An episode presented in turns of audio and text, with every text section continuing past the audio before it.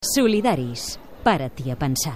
I perquè hi ha gent que reacciona, acció ciutadana que ve de dins de la pròpia Europa. Com a resposta de la mobilització de la gent jove que s'ha activat per ajudar els refugiats el darrer any, la Comissió Europea ha creat el Cos Europeu de Solidaritat. Es va presentar la setmana passada simultàniament a tota la Unió i ja hi ha catalans inscrits. Connexió Estrasburg-Barcelona ens ho explica la Marta Molina. Ferran Tarradellas és director de la representació de la Comissió Europea a Barcelona. Bona tarda, Ferran. Bona tarda, Marta. Explica'ns què és això del cos europeu de solidaritat. Bé, doncs és una de les iniciatives punteres des de, des de que es va produir la cimera de Bratislava i de cara al 60 aniversari del Tractat de Roma, que és el que va fundar tot això, estem fent una reflexió de quina mena d'Europa volem. I parlant amb la gent, una de les coses que ens diuen com a valor europeu fonamental és el valor de la solidaritat. El president Juncker, en el discurs de l'Estat de la Unió, va decidir per què no Europa dona una, una porta d'entrada al desig de molts joves, sobretot, de ser solidaris amb altres europeus, de manera que també puguin eh, trobar-se amb altres joves de la Unió Europea amb temes que siguin comuns a, a si mateixos, doncs com per exemple el medi ambient o ajudar les persones amb discapacitats o eh, ajudar a malalts, a refugiats, contribuir a una societat més justa d'alguna manera i, i crear un, una gran eina europea que permeti canalitzar tota aquesta energia positiva que tenim dins de la Unió i que, que és un dels principis fonamentals d'aquest projecte. No? De fet, tenim al telèfon la Marta Pont. Ella és a Brussel·les, té 29 anys i és una de les joves catalanes que ha demanat formar part d'aquest cos de solidaritat. Bona tarda, Marta. Hola, bona tarda. Per què vas decidir fer aquest pas? Doncs la veritat és que va ser una mica així improvisat, no estava previst, però vaig veure la iniciativa, em va semblar interessant. Fins ara ja m'havia interessat prèviament una altra iniciativa de la comissió que es deia EU8 Volunteers, o sigui, voluntaris de la Unió Europea, però una iniciativa més focalitzada en l'exterior. I darrerament, tenint en compte la crisi social i econòmica que viu Europa, crec que una iniciativa com aquesta, que, que se centra en ajuda dins d'Europa, en promoure la solidaritat no només amb l'exterior, sinó especialment a Europa, la vaig trobar interessant, vaig pensar que era un, una bona oportunitat i m'hi vaig inscriure amb l'esperança que, que a partir del juny, eh, quan es comencin a seleccionar els candidats, puguis formar part d'algun projecte. Perquè, de fet, Marta, tu ja ets a Brussel·les, coneixes una mica l'entramat d'Europa, no? Sí, de fet fa cinc anys que sóc a Brussel·les i treballo per una ONG europea que justament se centra en la promoció dels drets de la ciutadania europea.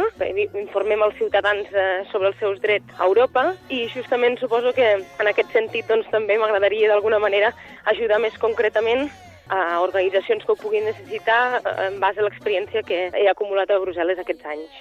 Ferran, també comentàveu que heu de millorar d'alguna manera l'ocupabilitat dels joves no? i aprendre en un altre país eh, representa també una experiència de molt valor. Efectivament, eh, un, un dels grans problemes que té la Unió Europea en aquest moment és un elevat eh, índex d'atur juvenil. Tenim altres eines per adreçar això, la garantia juvenil, la pàgina web Eures i tota la política que s'està fent per reactivar al mercat d'ocupació, però també vam veure que els joves que havien tingut una experiència a un país que no fos el seu, que hagués treballat amb equips multiculturals i que hagués desenvolupat accions també solidàries o accions de voluntariat, tenien una ocupabilitat més alta que els que no, que els que no tenien aquesta experiència. I vam creure que una manera en que la Unió Europea com a institució podia ajudar també a mostrar la solidaritat per als que ho estan passant pitjor en aquest moment, entre altres els joves que no tenen treball, era donar aquesta altra oportunitat en la que els joves poguessin eh, canalitzar els seus desitjos de solidaritat, però que això també fos útil de cara a trobar feina. Per aquesta raó hi ha el, el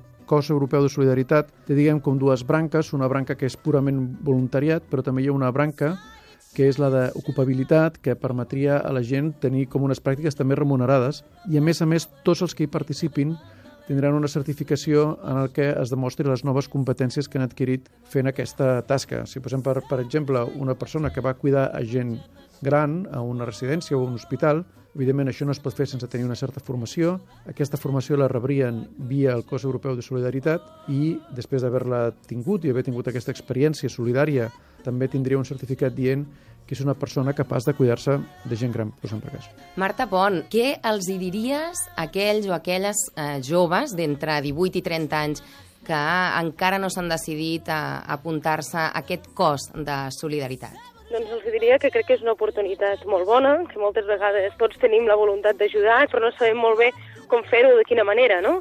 Crec que, que aquest és una, un bon marc per fer-ho, no només perquè donen l'oportunitat de, de treballar per una organització i ajudar concretament a persones necessitades, sinó perquè, a més a més, és una experiència internacional i t'ofereix l'oportunitat de tenir una formació i un training específic que està certificat posteriorment i pot ajudar fins i tot alguns joves a reenfocar la seva vida o a trobar una feina eh, lligada amb aquesta experiència internacional. I Ferran, eh, no sé si hi ha algun programa també vinculat al cos de solidaritat que estigui relacionat amb el tema eh, dels refugiats, de l'acollir persones que estan migrant cap a, cap a Europa. Efectivament, una de les coses que va mencionar en el seu discurs el president Juncker és que quan tenia aquesta idea del cos europeu de solidaritat en ment, un de les, dels col·lectius amb els que estava pensant era precisament els refugiats que en aquest moment tenen una crisi humanitària dins de la pròpia Unió Europea. Grècia i Itàlia estan rebent desenes de milers de refugiats per als estats italià i grec és una càrrega que a vegades és molt dura i hi ha molta gent, això ho hem vist aquí a Catalunya, que vol anar ajudant aquesta gent en allà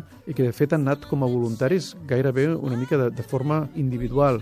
Per la comissió crear aquesta eina que pugui una mica organitzar més aquest desig de solidaritat també per ajudar els refugiats o per ajudar les víctimes del terratrèmol que hi ha hagut a Itàlia, és l'altre exemple que va mencionar el president Juncker, eh, jo crec que és una, una eina molt, molt, molt, molt positiva perquè moltes vegades quan un va, i això ho vaig veure quan treballava en ajuda humanitària, quan tu vas a un lloc on hi hagut una catàstrofe, amb totes les ganes d'ajudar, si la cosa no està organitzada, a vegades aquesta ajuda no, no dona el fruit que podia donar si estigués una mica més organitzat.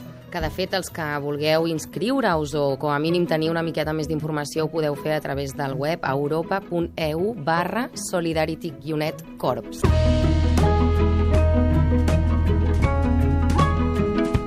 Solidaris. Para-t'hi a pensar.